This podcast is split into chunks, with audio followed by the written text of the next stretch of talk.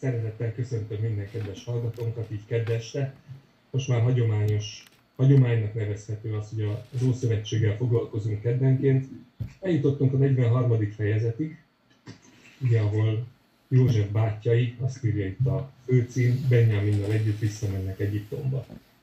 Az előző fejezetből beszéltünk, beszélgettünk azokról a dolgokról, amikor József ugye 39 év után, 39 évesen találkozik újra a testvéreivel, akik hát nem is ismerték föl őt. Akkor 13 évig volt rab, és aztán 30 évesen lett újra Egyiptomnak a második embere, vagy Egyiptomnak a második embere lett. Aztán jött a hét szűk esztendő, és utána a hét bő esztendő, és utána két szűk esztendő után jutottak olyan helyzetbe József édesapja és a testvérei, hogy nem volt már ennivaló otthon.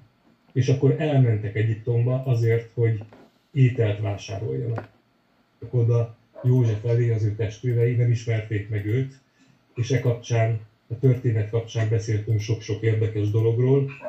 Érdemes meghallgatni ezt az előző részt, nem mennék bele részletesen, de beszélgettünk a, a, a pénzről, a lelkiismeretről, a, a, a testvéri kapcsolatokról, hogy mi az, amikor az embert a lelkiismerete nem hagyja nyugodni, és minden esetre eljutottunk ma oda, hogy elfogyott az az első körben hazavitt búza, és az egy felemás út volt, mert ott maradt börtönben Simeon, mert azt mondta József, hogy csak akkor engedi haza, hogyha visszahozzák a legkisebb testvérüket. Ugye József azt mondta, erről is beszélgettünk, hogy ugye a bosszú hidegen az igazi, hogy József, aki Manasszé fiát úgy nevezte el, hogy végre elfelejtettem az én családomat, elfelejtettem az én múltamat, ő újra fölkavarodott benne a múlt, mikor eliálltak a testvérei. És megemlékezett arról, hogy milyen gonoszul bántak vele, hogy kútba vetették, meg akarták ölni, eladták rabszolgának.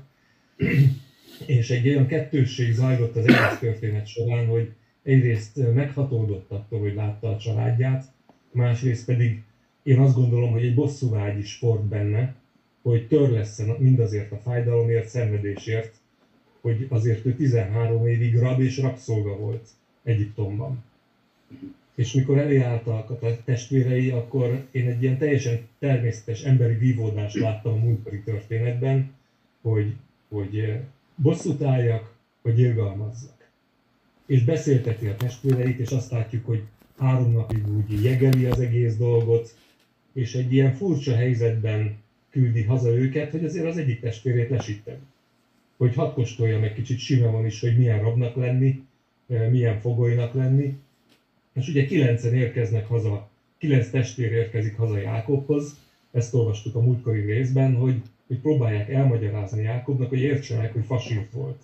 Hogy nem lehetett jobban kihozni ezt az egészet, örüljön neki, hogy van eledel, van mit tenni, túlélik az ek, elkövetkezendő pár hetet, pár hónapot, és ugye így jutottunk el az 1 Mózes 43-ig, annak is az első versét szeretném majd, ha felolvasnánk, és közben köszöntöm itt magunk között a Timit, a Brigit, Annát, Pamikát, a Csabát és a Tamást, én András vagyok, és belevágunk ebbe a részbe, ami szervesen kapcsolódik az előzőkhöz, és én csak azt szeretnélek kérni, Pannik, hogy az első verset olvast föl, kérlek, a 43. fejezetből, 1 Mózes 43, 1.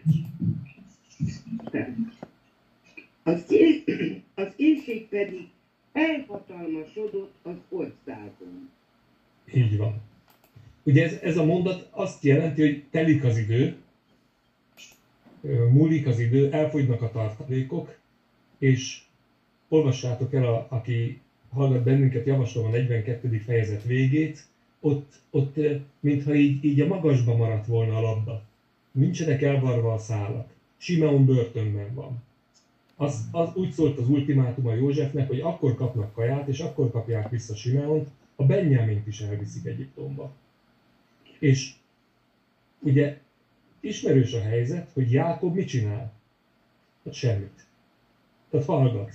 Jákob megint hallgat. Ugyanez volt, mikor Sekemben Dinát elrabolták, és megerőszakolták, és aztán próbáltak neki házassági ajánlatot tenni, hogy akkor is ez történt, nem voltak otthon a fiúk, és Jákob semmit nem reagált. Nem mondott sem igent, sem nemet, nem mondta azt, hogy ő a főnök, és akkor most oda csap az asztalra, hogy ezt elintézze, hanem csak ült egy ilyen dermedtségben, egy ilyen tehetetlenségben, és aztán hazajöttek a fiai, és ők kezdték megoldani a helyzetet a maguk testi módján, emlékeztek rá, hogy gyakorlatilag ott egy vérengzésbe fajult ez a dolog, és ugye Ruben más miatt vesztette az első szülöttséget, de ott Sekemnél ugye Simeon és Lévi voltak a főkolomposok, és ők egy ördögi tervvel gyakorlatilag vérbe folytották ezt a, a, a, az egész helyzetet, ahelyett, hogy Jákob, mint a családfő, akár diplomáciailag, akár más módszerekkel, de bölcsen megoldhatta volna. Úgyhogy én azon gondolkoztam el az első vers olvasása során, hogy milyen érdekes az, amikor valaki nem mer dönteni. Képtelen dönteni, szorong, bizonytalan, fél. És én át tudom érezni Jákobnak a helyzetét, mert én is nehezen döntök. Tehát a, a, az ember nehezen mond igent vagy nemet, de egyszerűen vannak olyan szituációk, amikben nem lehet belemenni. Tehát az, hogy az ő gyerekét, Simeont ott hagyja túsznak, az milyen, mi, mit gondoltok erről, hogy milyenek a, hogy kell dönteni az életben, hogy, hogy mi a menete annak, hogy, hogy az ember döntsön. Szabad-e például halogatni a döntést? Lehet-e elodázni a döntést? Mivel jár, hogyha ha valaki nem, nem vállalja föl a konfliktusait a, a, a dolgot? Mert itt, itt erről volt szó, hogy Jákobnak azt kell mondani, hogy fontosabb a család, mint az ő majom szeretete Benjamin felé. Fontosabb lenne a, a túlélés, találjanak ki egy stratégiát, hogy hogyan lehetne az Egyiptomnak ezt a második emberét az ő oldalukra állítani, de ő inkább ehelyett semmit nem csinált. Mit gondoltok erről? Tamás, mi a véleményed erről? Hát, ugye ezt úgy is lehet olvasni, hogy ő annyira bölcs volt, hogy, hogy ezt meg kell várni. És ő annyira megfontolt volt, de, de hát azért látjuk, olvassuk, és hogyha tényleg úgy olvassuk az igét, ami tényleg oda van írva, és látjuk az eddigi döntéskép, hát szinte döntésképtelenségét, hogy mindig valaki rá kellett, hogy pirítson, hogy csináljunk már valamit, mert ez így nem jó. Ugye, hát már majdnem ilyen halt a család, mire elküldte Egyiptomba a, a, a, a család többi részét, tehát most már az, az volt, hogy, hogy, hogy, hogy mert de mit néztek, mit, mit csináltok, és hát azért néztek, és azért nem csináltak semmit, mert várták, hogy az öreg valamit mond. Néha ez jó egyébként, mert te is mondtál, hogy, hogy nehezen döntesz, de ez néha az a megfontoltságnak is a, a gyümölcse, hogy az ember átrágja a különböző utaknak a, a végeredményét, a különböző utaknak a gyümölcseit. De néha gyorsan kell reagálni, én olyan munkahelyen dolgozom, ahol gyorsan kell reagálni, és én is hozzá vagyok szokva gyors döntésekhez. Felállít az ember egy fontossági sorrendet, mit vesznek, mit izélek, és az ember gyorsan. De van, akinél ez, ez tényleg napokig tart. De mindennek megvan az előnye, mert hogyha valamit döntesz, akkor már ugye az ember utána az úgy van vele, hogy akkor az már mögé állok. Akkor már ez így van. Nem? És ha valamikor a, a, a döntéseink ellenére rossz irányba mennek a dolgok, rosszul döntünk. Ezt akarja az ember ugye megúszni. Hát erre lehet karizmatikusan, igen, akkor hitben ezt csinálunk, meg hitben azt csinálunk, de hát nehéz, nagyon nehéz jó döntéseket hozni. És ha valaki ennek érzi a felelősségét, érzi a, a súlyát, akkor igen, és hát az idő, mire megrágja, megmérlegel. Sőt, az ember egyre idősebb, annál nehezebben dönt. Nem? Na de többiek. Mindig nehezen döntött. Aha. Timi, Timi mondd el, te hogy szoktál dönteni? Hogy megy ez neked? Hát nyilván vannak helyzete válogatja, vannak olyan ö, helyzetek, amikor gyorsan kell dönteni, mert egyszerűen nincs idő arra, hogy az ember úgy megvárja több oldalról, stb. De én alapvetően én azért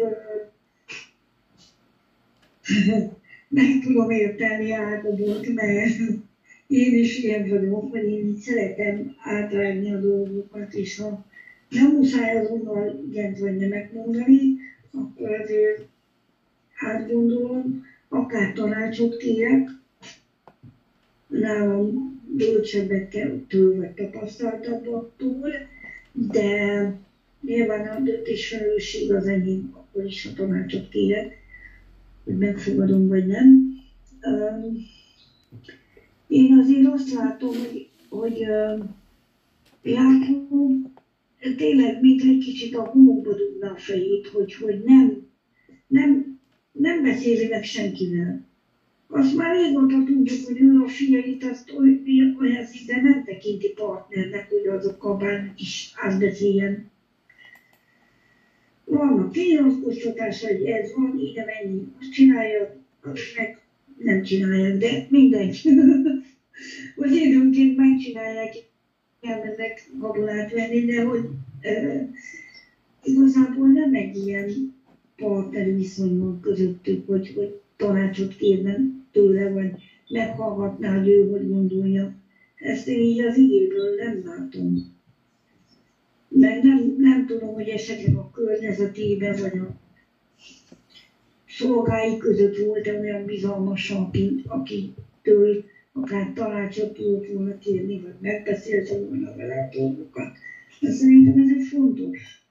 Hogyha nagy horderejű döntésekről van szó, akkor fontos, hogy uh, esetleg tanácsot kérjünk, vagy meghallgassunk másokat is, más szempontból. De hát igen, furcsa, hogy, hogy ő itt most hagyja hetekig, hónapokig, vagy akár egy évig is. Nem tudjuk, hogy mennyi idő telt el, amíg elfogyott a gabona. Hagyta ott a, a fiat a börtönbe. Simán. Igen, neki, neki nagyon fájt. Én, én úgy láttam az igéből, hogy még abban az évben elfogyott a gabona, mert majd később ki fog ez derülni, hogy, hogy pár hónap volt csak itt, amíg ez, ez megoldódott ahogy mondtad, én ezen gondolkoztam, hogy Ábrahám a szolgájára rámerte bízni a párválasztását a, a fiának. Tehát neki volt olyan bizalmasa, volt olyan kapcsolata, akivel ezt eh, meg, megmert ilyen felelősségteljes dolgot osztani, az Isten félelmét és a vezetését is. Mondd csak, Brigitte, hogy gondolod ezt az egész dolgot, ezt a döntés dolgot? Még, még ehhez hozzáfűző, hogy az Izsák is. Tehát neki is volt ilyen az ugyanaz a szolga, aki hozta neki a feleséget. Tehát az apukája barátja, az ő barátja is volt, meg az ő bizalmasa, meg, meg, meg az, aki tudott neki tanácsot adni. Hát én is ez a gyorsabb reagálású vagyok, egy kicsit ugye, mint a, a vérvérségletemből adódóan. De vannak nehéz döntések, és vannak olyan döntések, amikbe nehéz belemenni és mostanában tulajdonképpen nekem ilyen nagyon nagy dolgokban nem is kellett dönteni, mert nálunk mindent el van döntve, és akkor nekem ezt így nagyon nem kell gyakorolni. A munkahelyen inkább, ugye a munkába, ott, ott azért kell, vagy amikor, amikor a gyereknevelés volt abba, abba kellett sok döntést hozni, és az se könnyű, mert azért az kihat egy életre. Tehát egy-egy döntésem a gyereknek a 15-20 év múlva lévő jövőjét is befolyásolja, meg, meghatározza, és ezt megrágni és jól dönteni nem mindig könnyű. De nekem mindig ott volt az Isten, aki, akit addig nyúztam, amíg valamit nem segített, vagy nem mondott, az most, az most tulajdonképpen mindegy, hogy most így be, belül kijelentette. Igébe olvastam, ige hirdetésen keresztül, vagy, vagy baráton, vagy, vagy tapasztaltabb ember tud, de mindig, mindig segített ezekbe a dolgokba. És amit rábíztam, abban mindig siker volt. Tehát az mindig az, az jó, jó befektetésnek bizonyult. Amiket csak én magamtól eldöntöttem, azok, azok nem mindig sikerültek jó. Sokszor vallottam kudarcot, belefogtam olyan dolgokba, amit nem fejeztem be, és rossz döntés volt, meg sokba kerültek. Persze az embernek az életében vannak jó és rossz döntések, Viszont itt menjünk rá a felelősségre, hogy el kell tudni hordozni, amikor rosszul döntünk, és rossz következménye és rossz következményeket feldolgozni. És bevallani azt, hogy igen, ezt én rosszul döntöttem, ez így sikerült, és men- menjünk tovább, és csináljuk vissza, ha nem tudjuk, akkor legalább javítsuk meg, vagy, vagy tegyünk másként. És én is azt látom, hogy ez a Jákob, ez nem volt egy döntésképes hapsi. Hát ennek nem volt ott az anyukája itt már sok-sok éve, hogy megmondja, hogy kisfiam, most balra menj, most jobbra menj, hanem ő úgy, úgy szerette elodázni, és nem, meg, nem eldönteni a dolgokat, és talán úgy hagyta rá a fiaira a döntést, hogy ő nem értett velük egyet.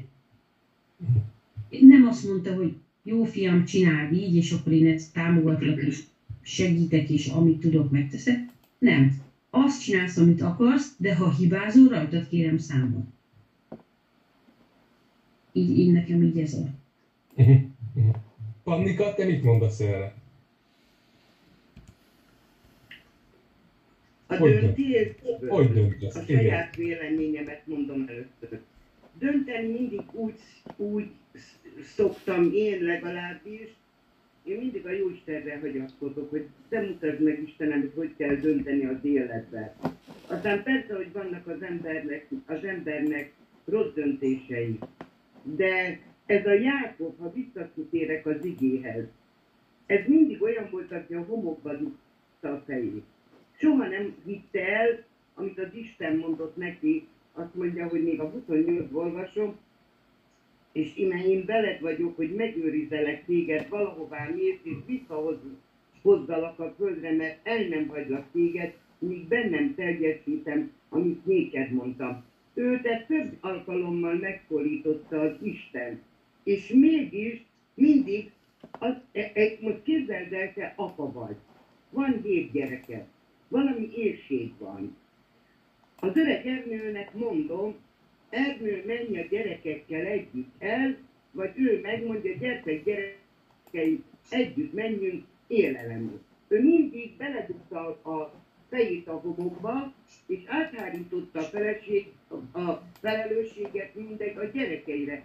Ti menjetek, ti csináljátok, ti hozzatok ételt, ha majd, ha, ha nem hozzátok vissza a gyerekemet, akkor inkább a koporsóba. Hát érted? Ő mindig ilyen nagy szavakat így, ilyen, ilyen nagy szavakat használt hozzá, holott nem tett érte semmit. Holott szülők vagyunk, tudjuk nagyon jó, hogy általában, ha 60 éves is a gyerekünk, és ilyen nagy dologban, mint itt, itt hogy nyírség uralkodik egy nagy törzsön belül, mert ez még nem ország, csak egy törzsön belül, akkor mindig az előjáró megy. Amit majd a végén meg is tudunk, most, most csak én e- erre az egyre mondom rá.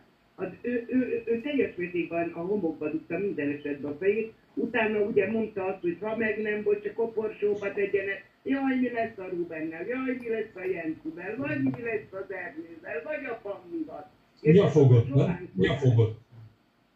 Nyafogott. így van, így van Andrásom. Mindig nyafogott rajta, és a végén mindig a gyerekeket küldte. A saját döntésem meg az, hogy hogy döntök és mikor, én nekem, a, ha, ha, ha, ha válaszolnom kell bizonyos kérdésre, vagy konfliktusba, vagy bármilyen döntésbe kell kerülnöm, szeretem abba a pillanatban lezárni. Mert a Jóistenre bízom, és nem, a Jóisten mindig arra kérem, hogy a számon ne jöjjön olyan szó, amivel megbántok, vagy rosszat cselekedek, bárki ellen is. És én ezt, meg, meg, meg amit a mamám mondott, gyerekem rögtön abban a pillanatban intéz le egy, egy, egy beszélgetés bármit, mert olyan, mint a kovászostál, mindig tovább marad rajta, annál nehezebben lehet lekapadni. Ez az én Igen, igen. öreg asszonyi bölcsességem, érted? De az ige, amikor mindig az igére, én ezt, ezt vettem ki belőle, Andriskán. Köszönöm szépen, köszönöm. Csaba, te mit mondasz erre döntés témakörben? Velünk vagy, vagy csak le vagy fagyva? Le van fagyva Csaba szerintem, nincs velünk. Csabi! Na majd előkerül. Jó, én, Én, én olvastam egy, komment, egy kommentárt ezzel kapcsolatban, Bocsánat. így, így többen, fel, többen felhoztátok. Megjött a Csaba, ne haragudj Tamás, megjött a Csaba. Ö, hát csak megmozdult. Itt vagy? Nincs Nincs hang. hangom.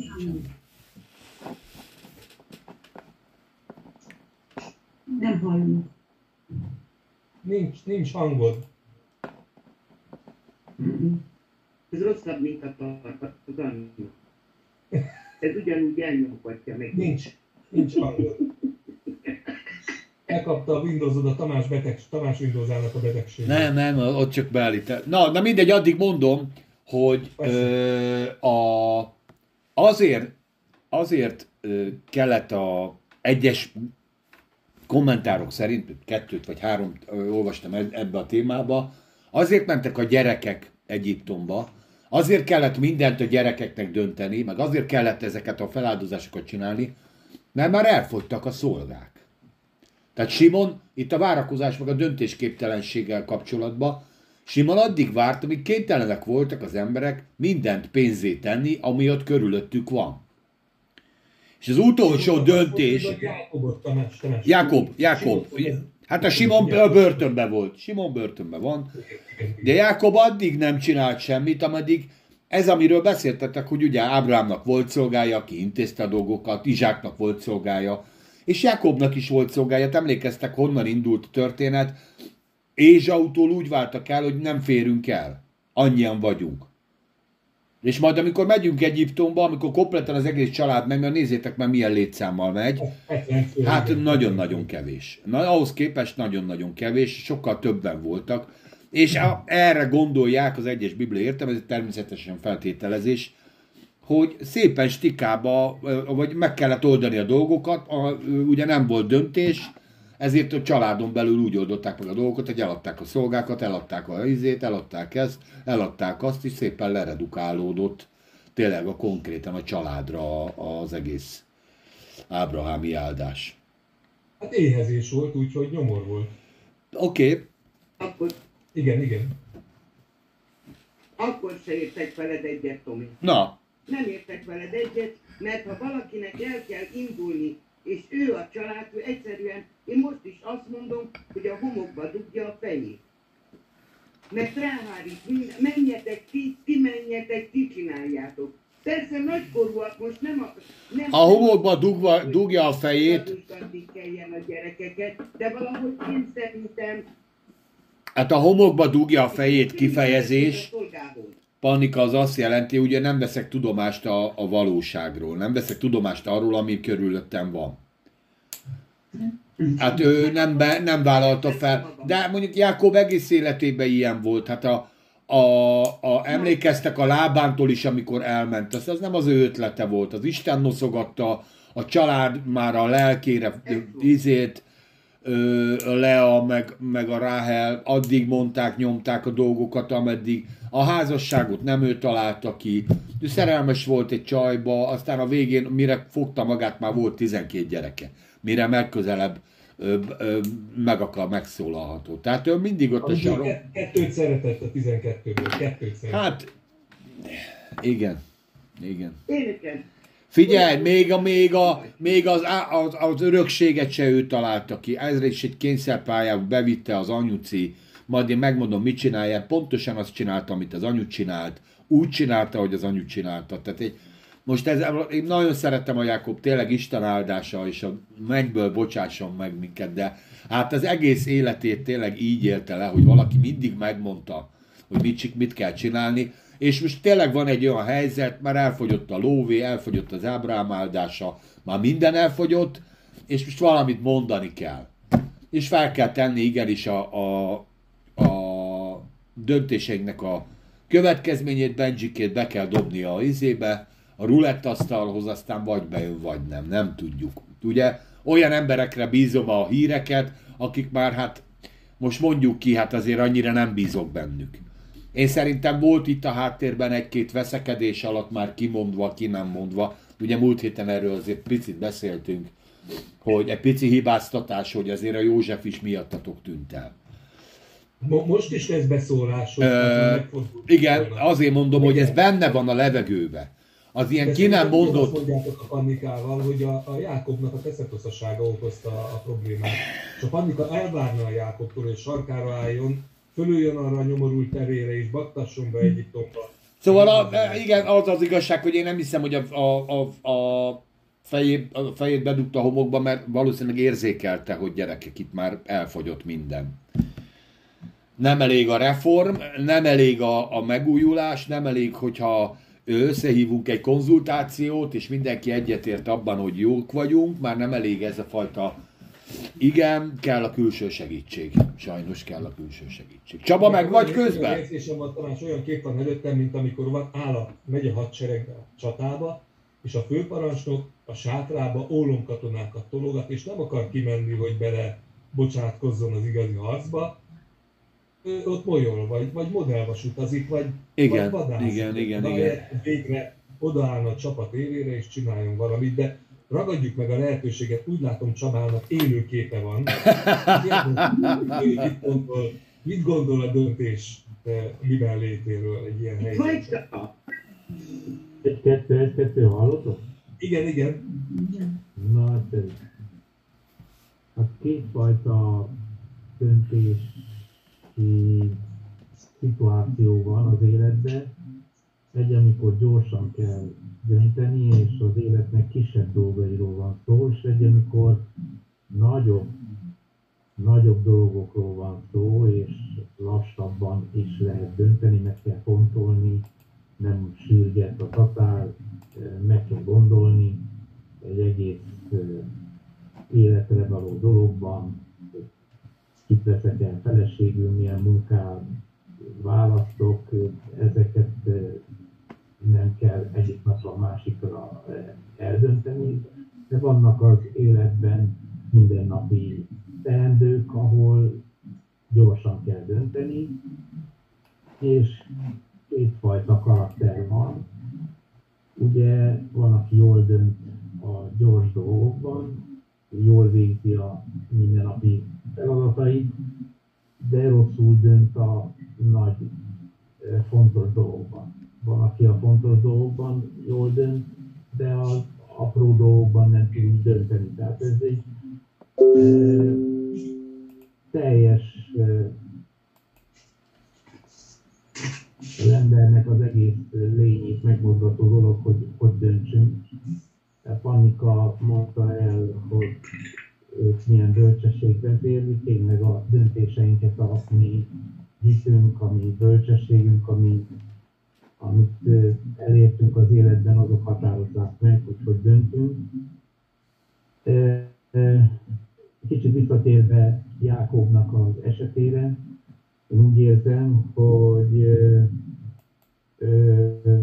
nagyobb kihívásokat kapott az életben, mint amire számított. A egyes feladatokat azt, hogy miután becsapták ottan a lábánál, és nem azt a feleséget kapta, utána végre sokat szolgált azért, hogy megkapja azt a feleségét, akit nagyon szeretett, és hogy végül kapjon egy kis vagyont is abból, ami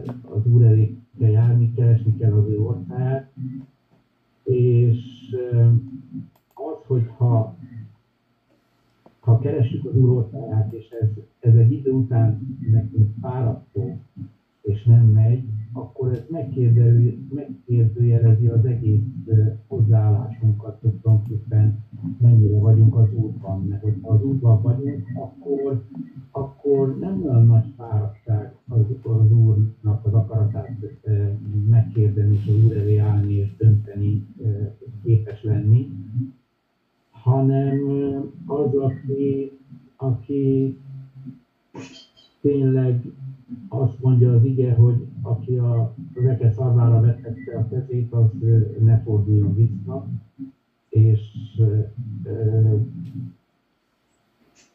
mindvégig a jelenések könyvű is az van írva, hogy aki mindvégig harc és a végén győz, a végén győz, az kapja meg a koronát. Tehát ilyen, hogy sok olyan példa van a Bibliában, hogy futunk egy versenypályán, és csak aki a végéig,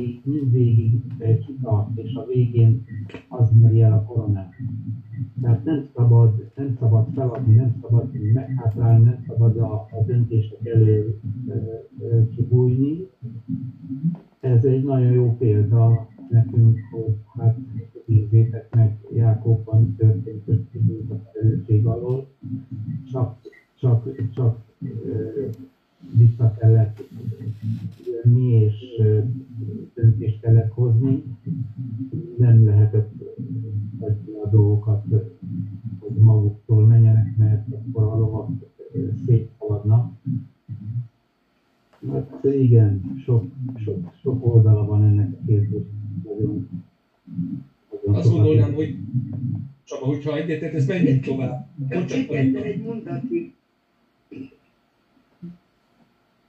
Mondja, Panika. Itt vagy, Csabikám? Itt vagyok, befejeztem. Hall bennünket? Nem, nem azért. Nem hallom. De, mi, de mindenki más igen.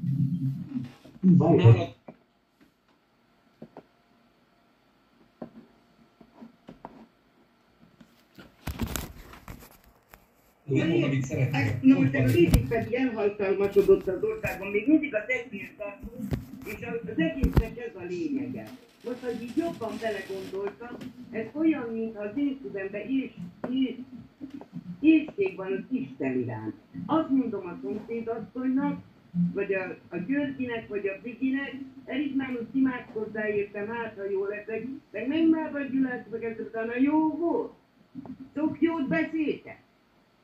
Jól éreztük magunkat, érted érezted az Isten jelenlétét? Nekem olyan ez az elsővel. Mikor érség van az lelkedben, az Isten iránt való dologban. És akkor azt mondom, hogy nem én megyek be, hanem meg, menjél már be helyettem.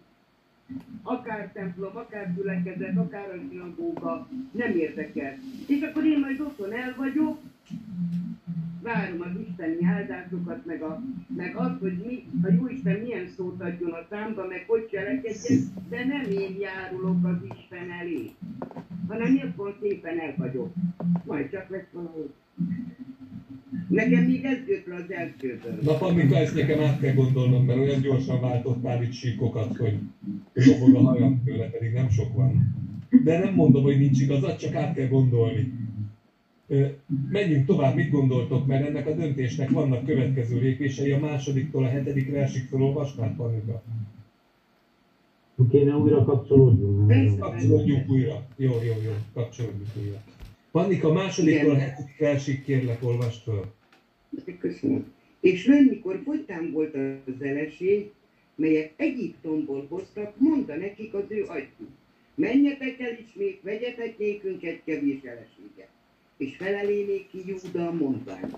Erősen fogyatkozik az a, fogadkozik az a férfiú, mondván, színem elé ne kerüljetek, ha veletek nem lesz, aki atyátok fia. Ha azért elbocsátok velünk a mi öcsénket, elmegyünk, és veszünk néked eleséget. Ha pedig el nem bocsájtod, nem megyünk, mert az ő férfiú megmondá nekünk, színem elé ne kerüljetek, ha ti atyátok fia vele nem lesz. És mondd el Izrael, miért cselekedtetek gonoszul velem, hogy megmondtátok annak a férfiúnak, hogy még van egy öcsétek. Azok pedig mondának. Nagyon tudakozik az a férfiú felőlünk, és nemzetségünk felől mondván. Él-e még atyátok? Van én még testvéretek? És mi kérdéseihez képest feleltünk neki. Avagy tudhattuk én, mi, hogy azt mondja, hozzátok ide, ti atyátok fiát. Amen. Köszi szépen. Köszi. Nekem nagyon csípi a szememet az az első fél mondat, hogy mikor fogytán volt az eleség. Tehát föl sem merül az, hogy Simeon sitten van.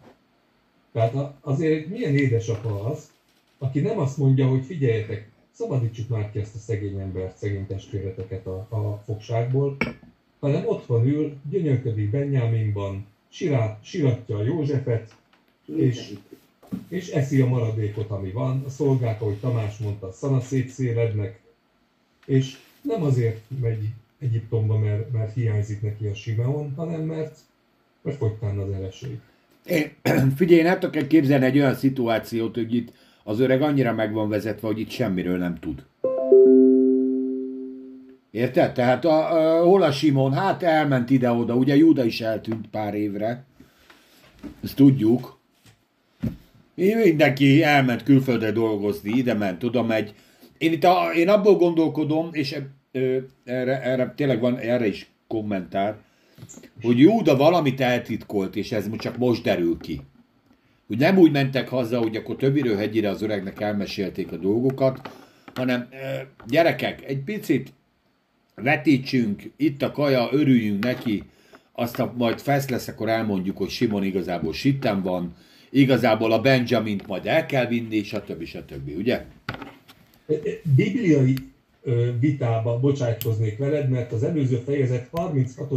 versében azt mondja, hogy és mondta nekik az ő Jákob, megfosztatok engem gyermekeimtől, József nincsen, Simeon nincsen, Benyámit is elviszetek, Benyámit is elviszetek. Tudta, hogy nincsen Simeon, tehát itt nem, nem volt elhallgatás. E, Tudtam, jó, de én, én erre csak azért gondolom egyébként. Meg volt neki ö, mondva, Ez a, figyelj, mert ugye ezt a történetet többféleképpen is fel lehet dolgozni, például ezt, ezt így is fel lehet dolgozni, ez most így meg, ugye ez a, ez a párbeszéd, amit most itt a 43-ban olvasunk, ez már egy részletesebb párbeszéd azt, amit a 42 végén olvastunk, hát nem? Gyakorlatilag ott a lényeg van. Itt meg itt van egy hosszabb beszéd. Én értem, hogy te vonzódsz a drámai helyzetek és a... a, a Ami egyébként igaz is. Hát ezért ez egy elég drámai A horroros és a, a kicsit homályosabb, sötétebb értelmezés vele. Én azt gondolom, hogy egyszerűen Jákob nagy ívben nem foglalkozott azokkal a gyermekeivel, aki nem a kedvenc feleségétől szült. Jó, de, de a te forgatókönyvet se vidám. Tehát azon se rakunk virágot arra az ágyásra. Nem, én nem állítom, hogy, hogy te nem mondasz igazat, én meg igazat mondok, csak én jól értem a dolgokat, tudod? Nem, nem, te, te érted így, én meg értem úgy. Ezzel nincs is semmi baj. Tehát, hogy ez a... Én nem minősítem a te értelmezésedet, és én nem minősítem a magamét, hanem én így értem, te meg úgy. Az enyémet én, én sem minősítem, csak a tiédet. Tehát, hogy a, hogy a, a, já, nézd, jó, most hülyétkedünk csak, hülyéskedünk. Persze, nagy komolyan vett panika. Tehát, mintha a Jákob nem tudna túllépni nem azt mondom, csak én mondd csak, mondd csak Panika. Hát most képzeld el, Tomikám, ott van a sok gyerek. Nem jön haza belőle, a, nem jön haza a több gyerek, nem jön belőle haza a nagyfiat. Azt majd egy év múlva azt mondod, most megint menjetek el. Hát elmondták, hogy nincs otthon velük. Hát látta. Hát te mit csinálsz? Tomi, de gyerünk, gyerünk, gyerünk, induljunk fiam. Hol van a gyerekem? De én nem vagyok Jákob. Bocsáss meg, Tomi, tudtál mondani. Hát igen, nem kerülök ilyen helyzetbe. Nem haza az Remélem. edzésről. Hát annyi baj legyen. nincs itt ott, semmi gond nincs. Van kaja. Hát ö, ha most nevesítjük Jákobot, ezért egyik, egyik gyerek után se sírt. Kivéve a az a szerencséje, Kivéve a Józsika meg a Benjike. Kedvenc feleségétől van. Igen. Hát a volt kedvenc feleségétől, ugye, aki már... Jákobnak hiába volt. Most elmegyünk egy olyan irányba, elmegyünk egy olyan irányba, aminek ugye nincs se vége, se hossza. Berottad a kavicsot. Nekem ez nagyon tetszik. Jó, nekem nem baj, én szerintem ez benne van simán ebbe.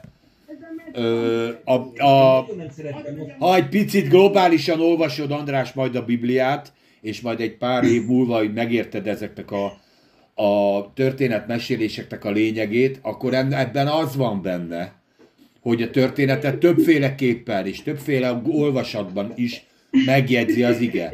Mint ahogy majd esetleg véletlenül eljutunk valamelyik évezredben az evangéliumukig, akkor majd ész, észre fogjuk venni, hogy ugyanaz a Szent Szellem, aki megáldotta Márkot, dettó ellentétest mond Lukáccsal, ugyanabban a történetben, eh, Jánosnál már meg se említi, Máténál még különösen egy harmadik verzió van, és Jézus ugyanazt az egy dolgot csinálta, csak három ember ol- olvassa el. Hogyha ismerjük az Ószövetségnek a írását, feltételezzük, hogy még kedves olvasó se gondolja, hogy egyszer csak leült Mózes, fogott egy tollat, aminek a végén Szentlélek volt, és leírta az öt Mózes könyvet egy szuszra, hanem feltételezzük, hogy a Mózesnek tulajdonított könyv az, az hogy született, ennek olvassatok utána. Na most ez történetmesélésben van benne.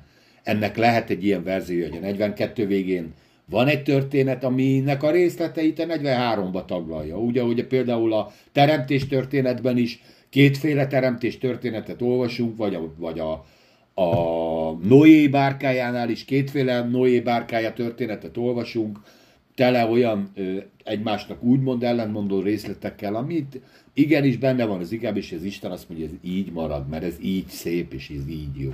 És mind a kettő verziónak megvan a maga üzenete, mind a kettő verziónak megvan a maga kincse, ereje, hatalma, és mégis, hogyha így egybe olvassuk, szisztematikusan, mintha ezt a Bibliát akár történelemkönyvként olvastánk, vagy matematikai feladványként, most is jelzem, hogy ez nem az, ez, ez egy irodalmi mű, e, amit Szent Szellem ezen a területen minden mondatát megáldotta. És ez az irodalmi mű, ez az emberekből született a Szent Szellemnek az indítatásában. Tehát ezért lehetnek ellentétek az egyik részből a másikba. Hú, de kaptiványosan. De ez csak az én véleményem, remélem. Jákobot, a Simon nem érdekelte. Maradjuk, akkor legyen meg a közös halmaz, így van. Csak a Benjamin érdekelte meg. Hát a József azért nem érdekelte, mert azt hitte, hogy halott, mert azt hazudták, azt hazudták a testvérét. Úgyhogy egy, egy ilyen nagyon szívem ütött ez a második vers, hogy csak a kaja miatt veti föl újra az Egyiptomba menetelt, és úgy csinál, mintha elfelejtette volna, amit első körben mondtak neki a, a, a gyermekei, hogy, hogy gond van, és, és ugye nézzétek meg a harmadik verset, és nagyon sokan fölhívják erre a figyelmet, hogy itt lép föl Júda először a fiúk közül, mint, mint a főnök. Mint a, a, a, ugye majd később olvassuk a 47-es fejezetben, hogy, hogy ő lesz igazából az első szülött, a Júda, mert ugye Rúben ö, paráználkodott a, a Jákob egyik feleségével, Simeon és Lévi tömeggyilkosságot követtek el, ahogy majd olvassuk ott abban a fejezetben, és Júdáról meg olvasunk egy külön fejezetet, amikor olyan, mintha ő megtérne, mintha megváltozna a szívében. Ugye a, a Igen, de-. Igen, de igazából most azt sugallott, hogy itt etikai vagy erkölcsi alapon választotta volna Isten a, az első születtet. És én már, ezt már beszélgettünk a kocsiba is, én úgy gondolom, hogy nem. Hanem, hogy a, a végén ő ki mit tesz bele majd abba az egész történetbe, de hát ezt majd a 47-es versbe beszéljünk. Júda ugyanúgy elment a, a prostituáltakhoz, ő ugyanúgy ő fesztiválozott, tehát ezzel a világon semmi baj nincsen. Nyilván a, jó az anyuká, a mostohanyjával nem hát, oké, okay, jó. Az Bosszú azért, volt. hogy ezzel a világon semmi baj nincsen, de ez csak az én hagyományos, kulturális, meg keresztény E, nevetésen így, így van, azért nincsen vele semmi baj, mert, mert ott, ott, ott látszik, hogy az, az ige ezt így leírja, és az ige ö, utána nem, az Isten utána nem csapta agyon. Azért nincsen, persze nem saját magát, persze tönkre teheti bárki. Csak az élet tudja, hova fordul a végén. És a Judánál azért látszik egy, egy olyan fordulat, ami hát most méltóvá tette, ez is rossz szó, mert ez is azt sugalja, hogy valaki valamire méltó. De az Istennek a kiválasztása, az Istennek a, a munkája, az ugye az nem a mi méltóságunkon, vagy a cselekedeteinkön, vagy akár az erkölcsi ö, mm, erkölcsi magasságainkban, hanem az ő teljesen szuverén kiválasztásán múlik. De természetesen fontos. Ez egy, olyan téma, amit szerintem nagyon finoman és óvatosan kell megfogalmazva körüljárni, mert nem teljesen értek egyet, csak én azt gondolom, hogy a nagyon nehezen tudom elmondani, amit gondolok. Én úgy, tudom, úgy gondolom, hogy Isten látja az embereknek a szívét. És az embernek a szívéből fakadnak a motivumai, a cselekedetei, és így, így a gyümölcsei is. Én azt gondolom, hogy a, a, a Jákob gyermekei közül a Júdának volt a legjobb szíve, így, hogy korban megyünk vissza. Tehát őt, őt néznek, hogy milyen helyzetekben látjuk, ő ott képes volt ö, olyan irányban elvinni a döntéseket, amiben nem volt képes Ruben, nem volt képes Simon, nem volt képes Lévi. Én, én azt gondolom, hogy részben van igazad, vagy én azt mondanám, hogy, hogy nyersen távolról nézve igazad van. Én úgy gondolom, hogy közelről nézve Isten úgy működik együtt az emberrel, hogy látja az ő szívét. Látja az ő, ő, ő motivumait, látja az ő indulatait. És így, így alakul ki ez az egész helyzet, hogy lesz Júda az első szülött. Ez akkor lenne igaz, ha például a tékozló fiú története nem lenne benne a Bibliába. Ott volt egy hűséges, odaadó, mindenben, segítségben, ö, ö, teljes mértékben odaszánt ö, tesó, és mégis a pozitív hős ez a gyerek, aki lement a legaljára, és aztán a végén visszajött. És ezt maga Az Jézus is- meséli, ezt a történetet. ahogy Tudod, hogy pontosan ugyanarról beszélünk, az a gyerek, aki otthon maradt, a szívében keményebb volt, mint az, aki elment. E, De, most az, de ha az erkölcsi mozdulatait én nem, az nézed, erkölcsről, én nem az erkölcsről beszélek, aha, én az őszinte szívről beszélek. A lágy szívről beszélek. Az a gyerek, aki otthon maradt, ő kegyetlenebb és irgalmatlanabb volt annál, mint aki elment.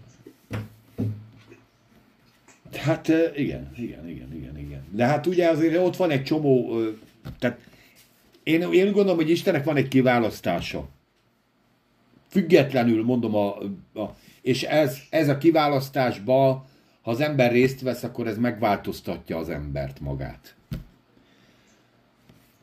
Én ezt, lát, én ezt látom az igébe, ezt látom egy csomó történetben, például a Saul történetében, most nem akarok itt bibliailag össze-vissza rohangálni, ott az, figyelj, ki volt választva az, az ember? Az fel volt kenve, bele volt, ott volt a Szent Szellem. Ugye azt mondta, hogy Salamon, vagy Sámuel neki, elmész Rámába, ott találkozol ezzel, és ott a végén más emberré leszel. Minden lehetőség megvolt. Mégis a szíve nem tudott úgy megváltozni, és meg volt a kiválasztása. És te- tehát az, az Isten kiválasztott, az Isten azt mondta, hogy te leszel. De én úgy gondolom lehet, hogy, hogy Simeonnál is így volt, vagy Rubennél, vagy Lévinél is. Igen. De gyakorlatilag tényleg erről ugyanarról beszélünk, hogy mi a, a végén mivé válsz, talán ez a lényeg. De, de, de nem mondom, nem az, hogy éppen most az erkölcsi ranglétrán hol helyezkedsz el, mert ez egy ilyen időgleneges dolog. Egyszer jobban vagyunk, mástól meg annyira nem vagyunk jobban.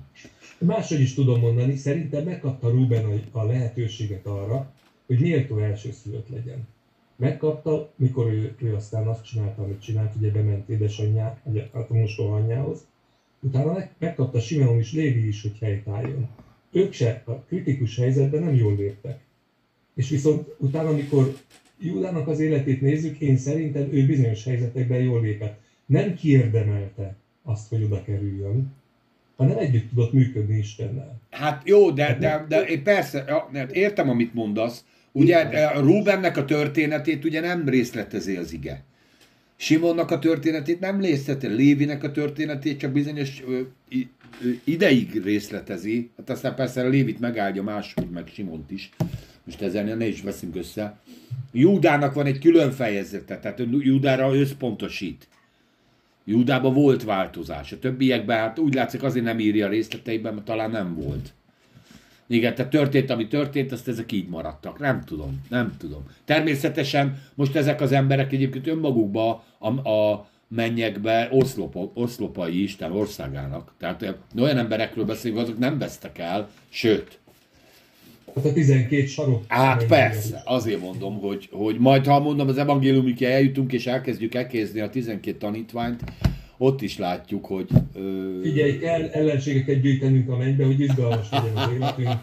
Ugye már sok, sok, sok embert magunkra haragítottunk, majd téged tollak előre. Hát, ja, de megmondom, hogy a barátaim itt vannak. Madarat tolláról, ember barátjáról. majd ha 47-es fejezethez érünk, akkor ezt beszéljük át újra. Akkor ezt majd újra átbeszéljük.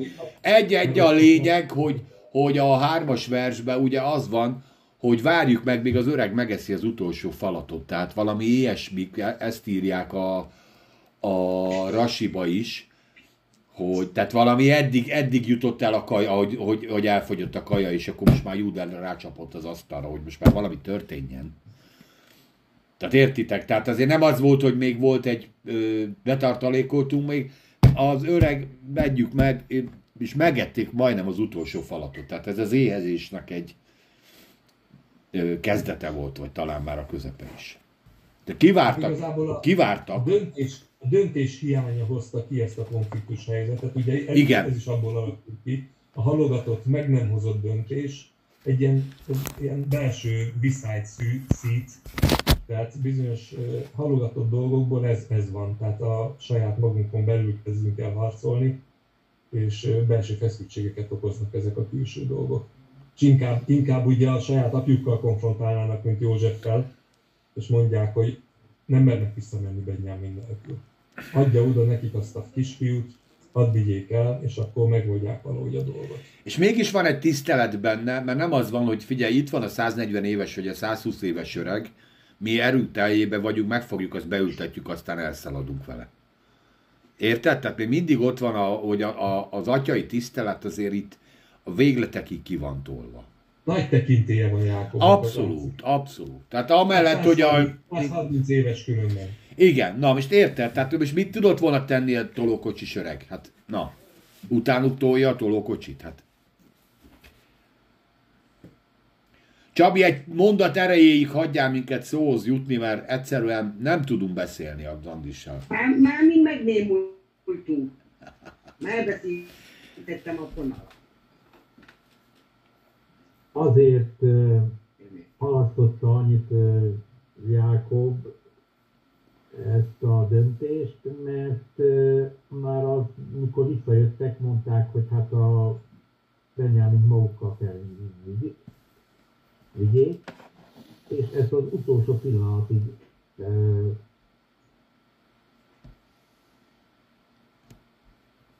el akarta kerülni a Jákó, és ebbe valahogy a tesók is beleegyeztek, hogy hát, hogy lehetne elkerülni azt, hogy Benjamin fedjük magukkal, de végül nem lehetett elkerülni, ezért húzták, halasztották egy évig mert Benjamin kellett vinni. És erről ezt nehéz volt megbeszélni, nem is akartak erről beszélni.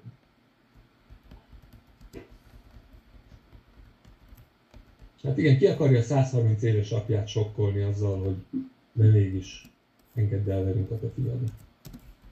Hát Eszembe jutott valami erről, hogy ő neki, ugye a Benni volt a kincs. És ő soka, sokszor vagyunk így, hogy vannak bizonyos kincseink, amihez így ragaszkodunk, mint ő ehhez a gyerekhez, és az Isten azt mondja, hogy add ide. És nem, nem akarjuk neki odaadni. Nem mondja meg, hogy miért ad ide, csak hogy ad ide. És nem bízik, nem bízunk annyira az Istenben, hogy belemerjük helyezni a kezébe a mi kincsünket, a mi gyöngyünket, a mi egyetlenünket. Pedig, ha majd eljutunk oda, meglátjuk, hogy tulajdonképpen Isten mindig, amikor odaadunk neki valamit, ami nekünk nagyon értékes, vagy a leg, legfontosabb a világon, akkor ő mindig abból legjobbat hozza ki. És ott van a legjobb helye. Tehát az ő kezében van a Beni a legjobb helyen. Az ő kezében van a mi legféltettebb gyerekünk, kincsünk, akármi bármink, ott van a legjobb helye. És a Jákob ebben nem volt biztos. És sokszor nyilván mi sem vagyunk ebben biztosak. Hát igen, de olyan emberek kezébe kell adni a gyereket, akiknek a kezébe már az egyik gyerek meghalt. De nem tudja, hogy az Isten ebben benne van. Hát nem tudja, hogy az Isten a ebben benne van. háttérmunkás az a jó Isten, az, aki őt kihozta onnan, meg onnan, meg onnan, és most szeretné innen is kihozni. És ez így benne nincsen. Tehát nem lát a jövőbe pozitívumot, mert ott meghalt a lelke, amikor ugye a Józsi eltűnt, és innentől egy depi. És a depi az nem lát pozitívumot, és, és nem akarja odaadni. És nem mindannyian ugyanúgy cselekednénk? Ki adja oda a gyerekét? Tehát Nyilván, hogy bennünk- is, csak lehet. Az utolsó kötéig addig, ameddig már majdnem ilyen halunk. Ez egy, ez egy természetes emberi cselekedet. De az Isten nem, az Isten odaadta érte az egyszülött fiát. Én- én azt gondolom, hogy Csaba, hogy te, te visszamennél egyedül a Simeonért. Igen. Tehát érted? Te visszamennél egyedül a Simeonért. Akkor is, meghalsz. Sokat beszélni a Józsefnek a hasába, vissza a Simeon. De hát nyilván innen, innen könnyen, én vexem itt a napainkban, könnyen beszélek, csak hogy, hogy szerintem vannak, lettek volna más logikus izék, hogy hogyha ő szereti a fiát, akkor azonnal, mikor hazajönnek nélküle, fölnyergel, azt visszarohan.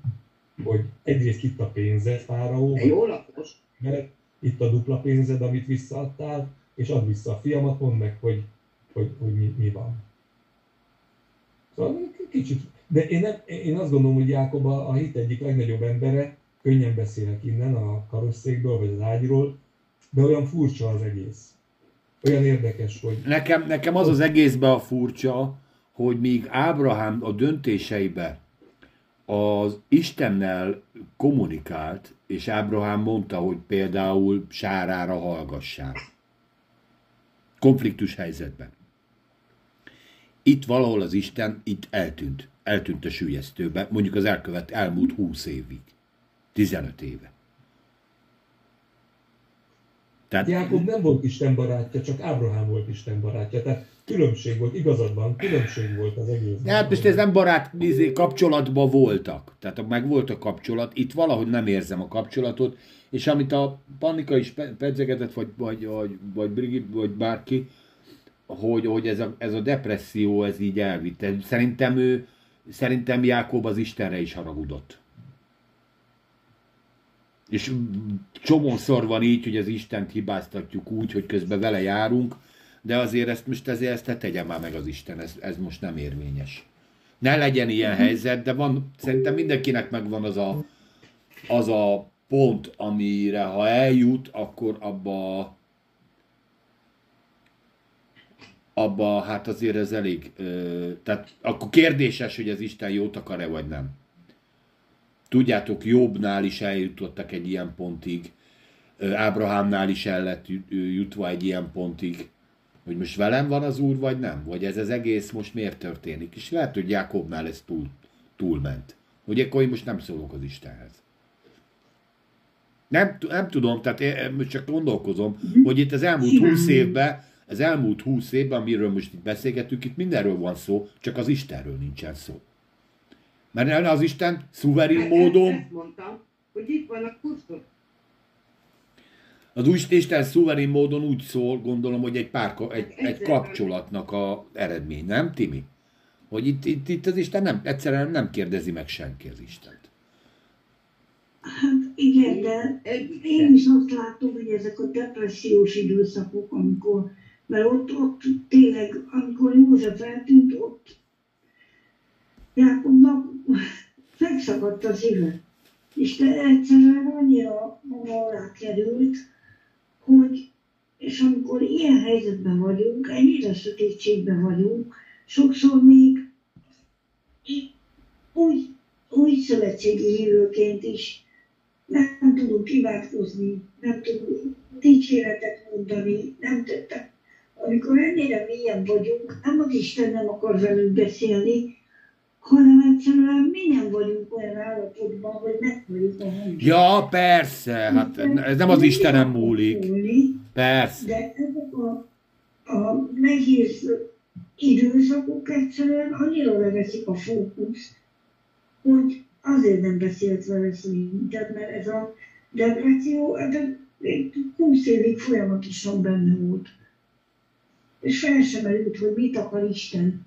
Pedig Isten ugye már Ábrahámnak megmondta, hogy el kell menni Egyiptomba. Ez a, ez a vég. És Isten megvárta, amíg, amíg Jákob eljutott idáig, hogy na, akkor most menjetek Egyiptomba, gyerünk. A gyerekkel együtt. És aztán utána majd még egyszer elmegy ő. De hogy tehát az Istennek a tervei jók, mert uh, ő vár ránk. Látjuk, hogy Ábrahámnak még 400 évet mond, hogy addig ott lesznek fogságba az Egyiptomba, aztán lesz belőle 440 vagy 400. Tehát Istenek belefér az, hogy vár. De az Isten terve az meg lesz. És ez nekem egy bizonyosság, hogy én nem tudok úgy elszúrni, hogy az Istennek a terve nem valósuljon meg. Persze, hát és Jákob se szúrja el, csak most éppen egy ilyen állapotban van, amikor az Isten azért nem beszél vele, mert ő nem akar, hogy beszéljen vele. Tehát van, van, van ilyen. Én csak ez nekem felmerül. Igen. Én szerintem az első Panika, hagyd mondja a Csabi. a legjobban el. Nem, mondja a panika. Mondja csak panika, nem Az felejtem el. pedig elhatalmasodott rajta. Hát mikor valaki elhatalmasodik az éjség, az a szeretet. Hát számtalanszor megígérte neki az Isten, hogy veled vagyok, hogy jól vagyok. És mikor az insége van, akkor se az Isten kérdezi meg, te mondtad Tomikám, hogy hogy fogunk, hogy, hogy, vál, hogy reagálunk dolgokra. Hát az Isten hívjuk segítségül, hogy mondd meg nekem Istenem, melyik a helyes út, hogy szólaljak meg valakihez, hogy tudjak viselkedni másokhoz. És ezt nem érdekelte, hanem elhatalmasodott az ország. Hát figyelj, ezek a döntéseink is ö, úgy van, igen, ezek a döntéseink is, ez nem az, hogy mi ki megmondtuk a tutit. Én minden nap hálát adok a, a, azért, hogy a, a feleségem, feleségemmel összeházasodtunk, de hát azért mondjuk már ki, hogy azért nem mi vagyunk azok, akik a, a tutit kitalálták, vagy, vagy házat vettünk, vagy hitelbe mentünk. Hát hány embernek a lehető legrosszabb házasságát választja? Hány ember megy olyan hitelbe bele, hogy az élete rámegy? Hány olyan ember megy, aki, aki jó, jó szándéka, jót akar dönteni, és mégis kudarc az egész? Tehát ez, ez, ezt így nem lehet azt mondani, mi, mi az Istentől döntsük, az Isten 23 évesen, vagy 28-18 évesen, hogy döntöttünk volna már jól? Hát én azt mondom, hogy az Istennek megvolt ez a kegyelme, hogy ennek a döntésnek valamilyen olyan pozitív hatása lett, hogy mi itt a 35 év alatt ö, ö, tök jól élünk, érted? De hát ez nyilván mi is változunk, de ne nem mondjuk már azt, hogy ilyen ügyesek vagyunk, vagy bárki. Hát hagyjuk már. Ne, de Tomi, még most se érted, amit beszélek. A biztos, hogy nem. Jövök rá.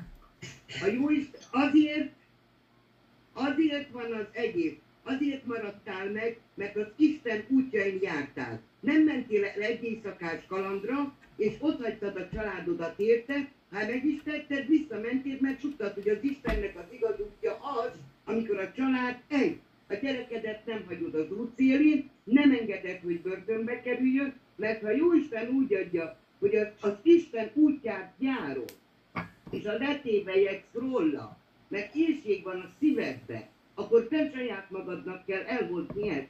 És ebben igazad van, de mindig visszakerültél te is, meg a feleséged, én is, meg az öregedő is, meg a gyerekeim, az Isten által jó útra. Ám szép Hát ezt így is lehet mondani, igen. Most ezzel, ezzel nem menjen el a podcast szerintem. Tehát inkább hallgassuk meg a Csabit. De jó, hát persze jó, amit mondasz most nyilván. Természetes. Én csak egy rövid történetet mondanék el, hogy mennyire megváltoztatja az embert, hogyha a gyereke meghal. elveszíti a gyerekét. Tehát ismerek egy családot, akinek a egyetemista gyereküket elveszítették, és egy olyan gyülekezetben voltak nagyon erős tagok, amelyek a törvénykezésben süllyedt, és ők voltak, akik a piszkos munkát végezték, és kemény ítélkezés, stb. Miután megtörtént a baj, és a, az egyetemista fiúk meghalt, utána teljesen megváltoztak, ott hagyták az egész bagást úgy, ahogy van, és azokat, akiket megítéltek, akiket keményen bántak, meg minden felkeresték, és felvették újra a kapcsolatot, és rengeteg embert bocsánatot kértek, minden teljesen megváltozott az életük, ott hagyták az egész bagást úgy, ahogy van. Rettenetes nagy dolog, hogy valaki egy, a gyerekét elveszíti. Persze. Minden, minden Így érték megváltozott. Minden. De átgondolták az egész életüket, meg minden, hogy mi volt ott. Nyilván persze egy olyan emberről mondunk el, ö, most nem ítéletet, hogy véleményt érted, hogy mi, mi soha ne kerüljünk ki a helyzet, közelébe se. Közelébe se. Most mindegy, hogy jobban szerettem, mint a többit, vagy nem. Te tök mindegy. Én a, ez azt se értem egyébként, mert a jobbról kapcsolatban, hogy Isten megvigasztalta jobbot. Amikor meghalt az összes gyerek, ugye utána újabb gyerekekkel megvigasztalta. Tehát nyilván az Istennek van egy személyes vigasztalása, amit, amit tudjátok máshogy élünk át, de nem a gyerekekkel. De hát azért ezek nagyon-nagyon erős szavak. Tehát igen. De Júda az asztalra csapott, hogy az Andrist visszazökkentsük a... A 8.-9. verset olvas föl, kérlek, Pannika. Igen. És mondd el Juda Izraelnek, az ő atyának, bocsájt el azt a fiút én velem, és mi azonnal felkelünk, és elmegyünk, hogy érjünk, és meg ne halljunk, se se te, se a mi gyermekeink. És leszek kezet érette az én kezemből kér elő, ha vissza nem hozom őt hozzád, és elődben ne állítom őt, mint élkig bűnös legyek előtted. Még élek bűnös legyek előtted. Ez az igazi. Nekem nagyon tetszik ez a két vers, mert a, a Júda azt mondja, hogy gondolkozunk racionálisan. Tehát mik a lehetőségek? Vagy nem megyünk el, és ilyen halunk mindannyian, vagy elmegyünk, és akkor lesz, ami lesz. Tehát a, igazából egy nagyon logikus érvelés amellett, hogy az a legrosszabb, ha nem csinálunk semmit. És én ezt azért szeretem, mert ha az ember nehezen dönt, vagy nem tud dönteni, akkor is az egy nagyon jó megközelítés, hogy gondoljuk végig logikusan a dolgokat. Úgy gondolom, hogy Isten ad egy értelmet, egy bölcsességet az embernek, hogy, hogy gondolkozzon reálisan, gondolja végig a dolgokat. És úgy van, ahogy a, a Csaba nagyon jól összefoglalta, hogy vannak olyan döntések, amiknél nincs időkényszer, és van idő megfontolni, és vannak olyan helyzetek, amikor időkényszer van, de mindenre Júda szerintem itt nagyon jól leírta a helyzetet egy ilyen depressziós édesapa előtt, hogy értse meg, hogy most ezek a, az alternatívák. Vagy minden halunk, vagy bekockáztatod ezt a csipit. És szerintem ez egy jó stratégia döntéshozásnál. Persze. Hogyha valaki zavarban van, írja le egy papírra a, az opciókat, a lehetőségeket. Írja le egy papírra, hogy ezt csinálom, ez lesz, azt csinálom, az lesz. Mert csak az érzelmek alapján nem szabad dönteni. Józanul kell dönteni. És ugye látni kell a következményeit is, legalábbis a jegyzetből, tehát az, az leírja tényleg az ember, mi van a mérleg egyik oldalán, meg a mérleg más. Mi lesz ebből, ha? Mi lesz abból, ha? De a, leg, a legrosszabb az az, amikor nem döntünk. Igen, igen, az a legrosszabb. Tehát inkább döntsük rosszul, mint hogy nem döntsünk. Mert a rossz döntéseket is Isten még jóra is fordítja az igazaknak, minden a javukra válik. És a Brigi univerzumában ugye minden összefügg mindennel.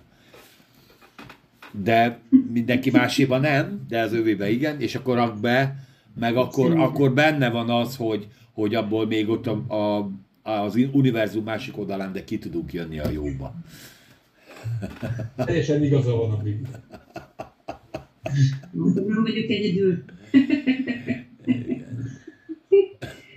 Az András csak azért van veled, hogy ellenem legyen, és semmi más.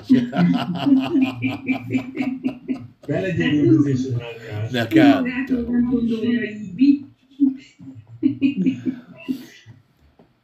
Ugye van egy olyan ige, hogy a bizonytalan kürtzengésre nem megy csatába a sereg. Tehát ahhoz, hogy az ember tudjon döntést hozni, meg döntsön, ahhoz kell egyfajta határozottság, mert ahogy a Tamás mondta, ezt tanítják is, én úgy tudom menedzseriskolákban, hogy a leg- legrosszabb menedzser az, aki sehogy nem dönt. Még egy rossz döntés is jobb, mint egy semmilyen döntés. Persze. Mert akkor nincs merre menni. Egy rossz döntés után kiderülhet, hogy az egy rossz irány volt, és akkor el lehet menni a másik irányba. De amíg topogunk az elágazásnál, és nem megyünk sem erre, az sehova nem vezet.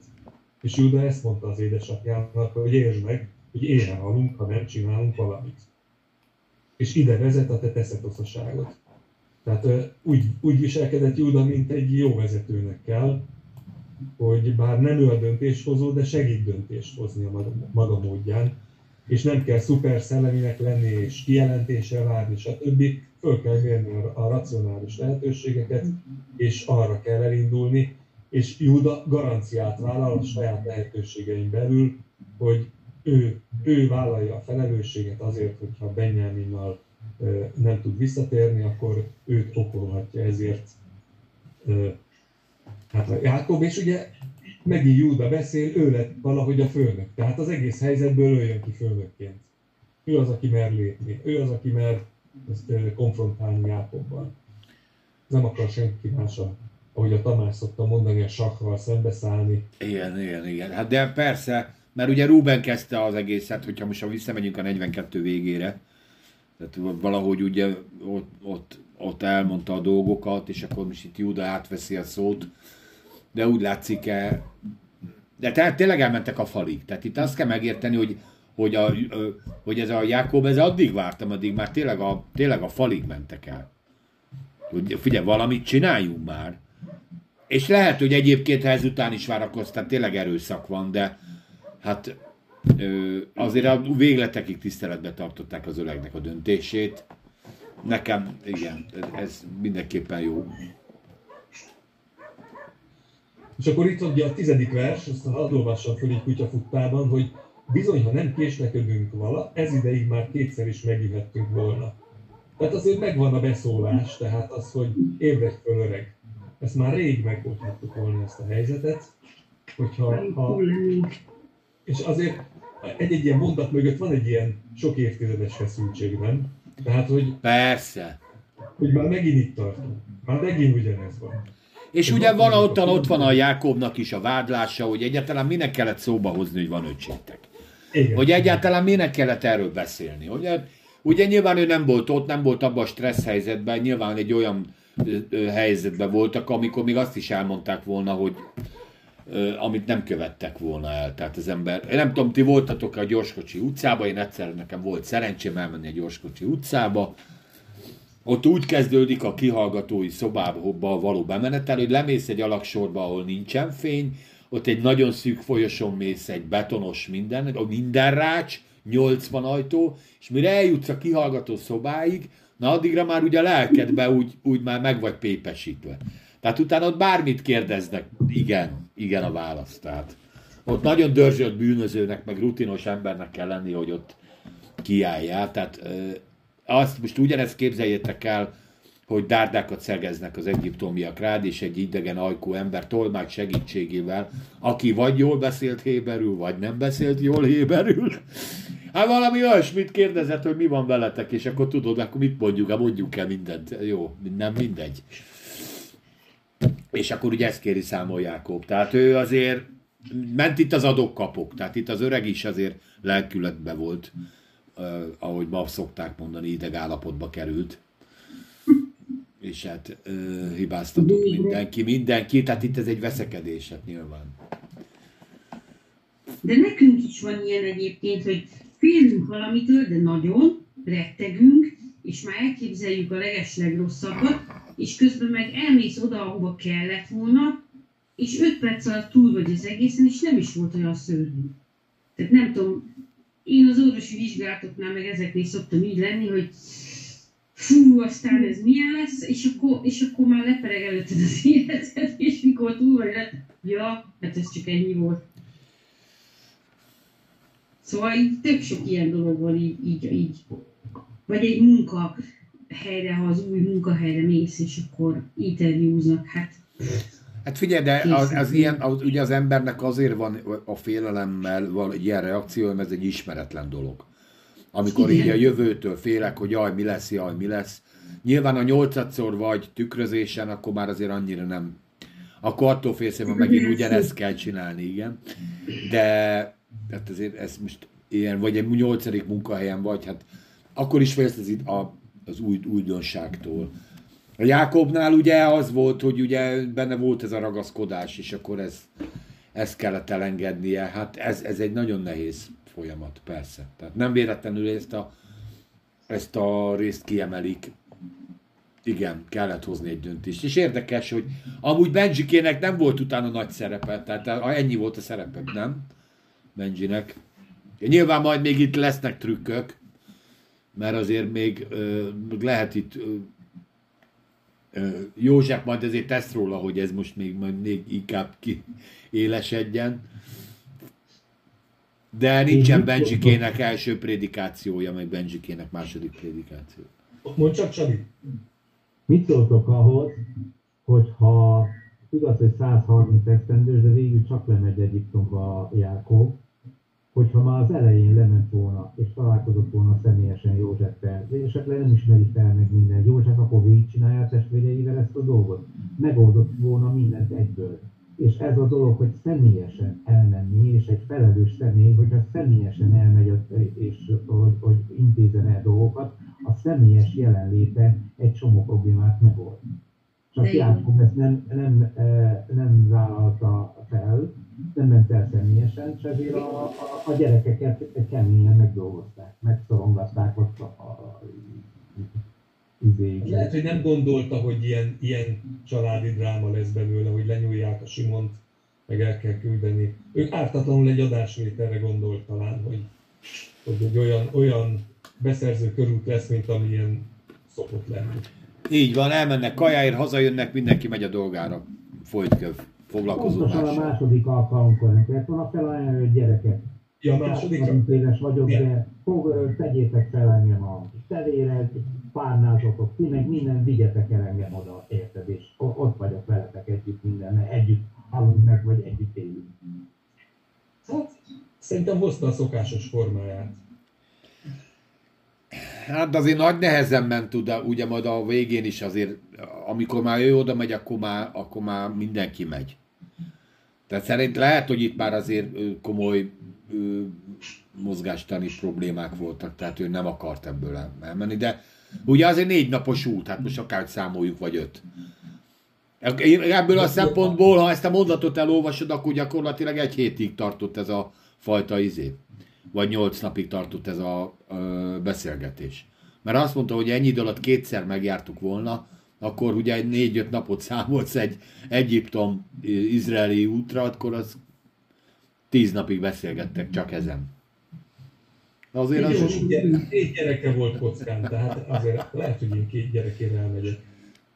Igen, igen, igen. De ma- maga, maga igen, a párbeszéd gyorsasága is lehet, hogy napokig beszélgettek ezen. Jó, most volt, mondtatok valamit, aludjunk rá egyet. Jó.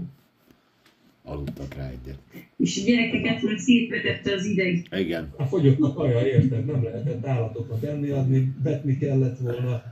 Igen, gyerekek, Igen. csak voltak gyerekeik. Hát ilyen nem. Na, unokák is voltak.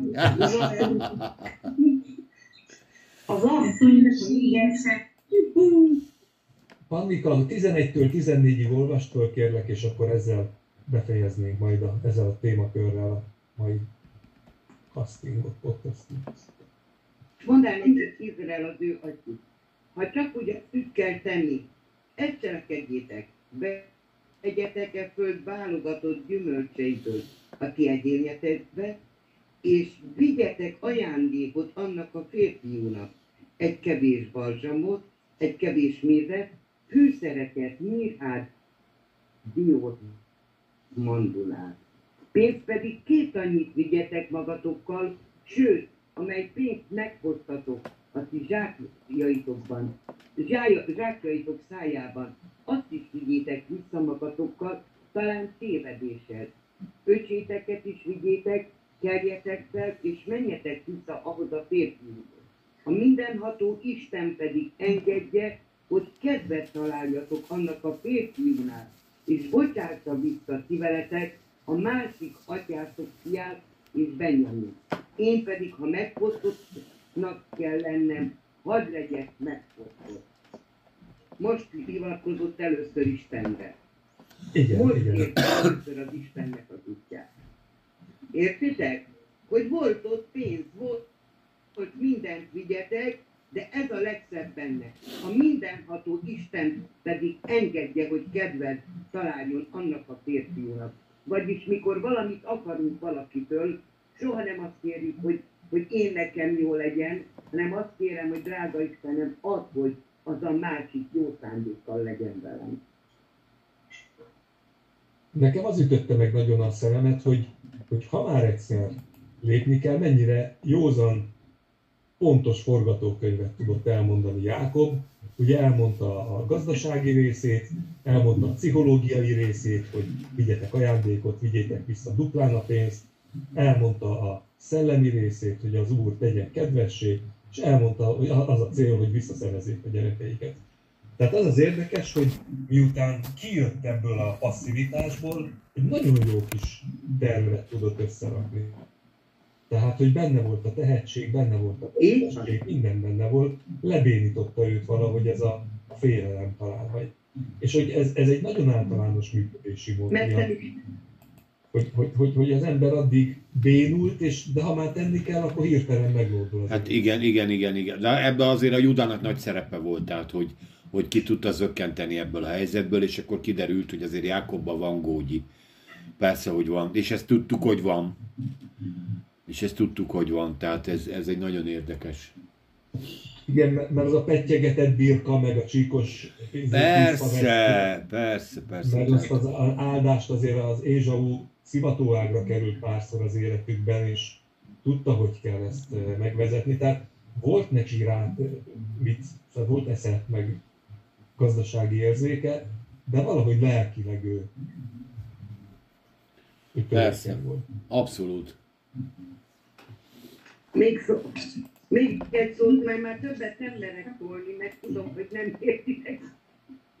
Ezt mondtam legelején, hogy az Úrra, és azt mondom, mikor valamiben döntök, és az Úrra teszem a kezemet, és az Úrt kérem arra, hogy engemet irányítson a döntéseimbe is, hogy mit tegyek, az biztos, hogy jó. Ezért mondta Dandvisom azt, hogy most már tudta, hogy mit kell tenni. Mert előtte biztos, hogy kérte az Isten, hogy mondd meg nekem, hogy mit csináljak. Ezért mondja itt ebben a részben, hogy a mindenható Isten pedig engedje, hogy kedvet találjon benne. Ez, ez, ez csak erről tud, az egész életünk. És tényleg nem akarjuk mi öten vagy hányan vagyunk, hogy a, a, a, az igét megcsúfolni, vagy ezeket az embereket, hanem rávetítjük a saját életünkre, hogy hogy gondolnánk mi ezeket a dolgokat, de csak az Istenbe vetett hitünk által tudunk úgy cselekedni, és úgy tenni mindent, amit, mert az Istennek való cselekedet által tudunk helyesen dönteni. Én így érzem. Hát szerintem a, a, fiúik, a fiaik is tudták Jákobnak, hogy, hogy az öreg azért bölcs. Csak valahogy ki kellett belőle passzírozni, hogy mondjon már valamit. Hát az ő döntése kellett, persze, persze, persze. És ugye meg is áldotta őket, tehát nem csak úgy volt az, hogy, hogy, hogy elengedi, hanem úgy engedte el, hogy, hogy akkor a mindenható Isten adjon könyörületet az emberek előtt. Nektek, ahogy ugye megőrizte Jákobot, amikor menekülni kellett többször is, ez, ezt a védelmet kérte rájuk. Gondolom Benjike miatt is, de hát egyébként is. Egyébként, igen. Ez az El kifejezés azért, ez egy nagyon szép kifejezés. Ugye itt az ős Exodusból eredeztetik. Egyébként a gyökere, nem tudom, hogy tudjátok-e, az, az miből van a Shaddai-nak, az a női melből. Tehát ez a, ez a nagyon ősi, és ugye ez nem a szexuális tartalma miatt, hanem az, hogy mindenre elegendő, hogy itt, hogy anyatej, ő maga a gondviselőt. Ő maga a mindenre elég. Ebből a gyökből. És ugye az elszó pedig az nagyon, nagyon erős. Tehát az, az elszó az azt jelenti a Héberben, hogy valami nagyon. És ezért az, ez, ezt jelenti, hogy nagyon erős Isten. Csak ez egy ilyen, hozzáteszem, hogy ezt is értsétek, hogy ezt miért ezt a kifejezést használta Mózes, ha ő írta, de Jakob mindenképpen. Ami meg még érdekes az, hogy milyen ajándékokat vittek, kezdtek is, hogy az ember utána olvas. Egyébként pisztácia van odaírva, meg a fűszernövények helyett. Minden olyan dolog, amiről az ember, de, embert, amit az emberek dicsérnek, olyanokat vigyetek. Ezek az eredeti kifejezések. Sőt, még van benne olyan, hogy édes gumit. Még egy ilyen fordítást is találtam. Tehát gumicukorkát vigyetek. Haribó, haribó cukorkát vigyetek. Gumimacit. Gumimacit vigyetek. A, a, ott, ott, otthon úgy sincs. Igen, tehát ezért, ezért többet képzeljetek el, mint ami ide van írva, hogy fűszernövényeket. Ha Magyarországon lennék, ha vigyél piros paprikát, meg vigyél tejfölt, az úgy sincs ott. Ennyi, így van, az úgy sincs ott, és akkor ezt elviszem. Mi megyünk a lányunkhoz németbe, mindig kell vinni tejfölt, meg túrógombócot, mert ugye az ott azok nem léteznek ezek a... És akkor itt is az öreg mondta, hogy akkor vigyünk gumicukrot, vigyünk üzét, Mikulás csomagot, meg még vigyetek pisztáciát is. A pisztácia szót egyébként eh, nagyon érdekes, talán itt van először.